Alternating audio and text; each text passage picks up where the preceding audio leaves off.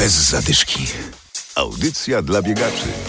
W kalendarzu już 13 dzień stycznia, ale dziś wracamy do noworocznego biegania na Cytadeli. W programie będzie też zaproszenie do podpoznańskiego Swarzędza. Adam Sołtysiak, zapraszam. Trening. Biegacze z kilku poznańskich klubów powitali nowy rok oczywiście na biegowo. Był to już dziesiąty jubileuszowy trening w pierwszym dniu stycznia. Jedni z ambitnymi wyzwaniami na najbliższe 12 miesięcy, inni typowo rekreacyjnie wyruszyli na 5-kilometrową trasę na poznańskiej Cytadeli. Jak się biegło, posłuchajcie. Tradycji musi stać się zadość, więc tak zawsze tego pierwszego o tej 14 tutaj się spotykamy i zawsze te 5 km sobie pobiegniemy. Zaczynamy rok na biegowo.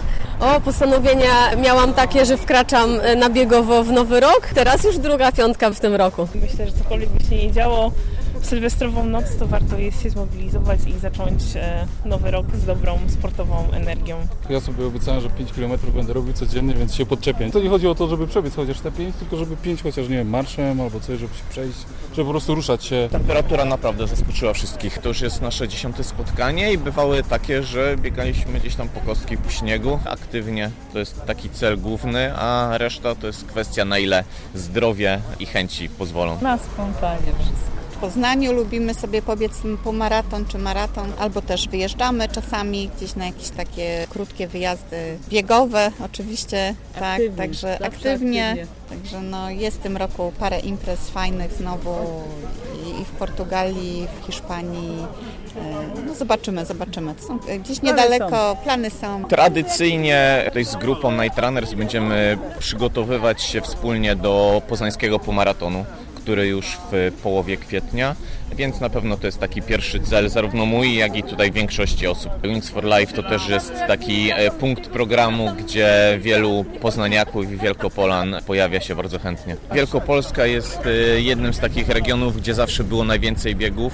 Nadal, mimo że ten rynek biegowy troszkę się skurczył, to praktycznie co, co tydzień możemy wystartować w jakichś zawodach. Większość z nas to powiem szczerze, że pandemia, nie pandemia i tak y, biegała. Ludzie bardziej biegali nie w takich grupach dużych, tylko albo sami, albo w kilkuosobowych grupach. Ale teraz na nowo wraca się, aczkolwiek nie są już to takie grupy duże, jak były przed pandemią. Także to też się na pewno zmieniło.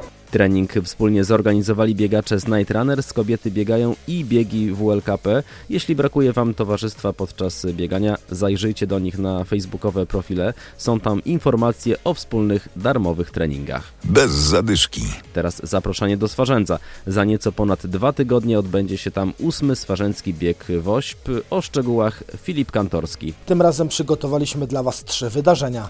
Marsz Nordic Walking, który odbędzie się o godzinie 10 na dystansie 4 km, bieg główny o godzinie 11 na dystansie niespełna 5 km oraz biegi dziecięce o godzinie 12 na dystansach 200, 400 i 800 metrów.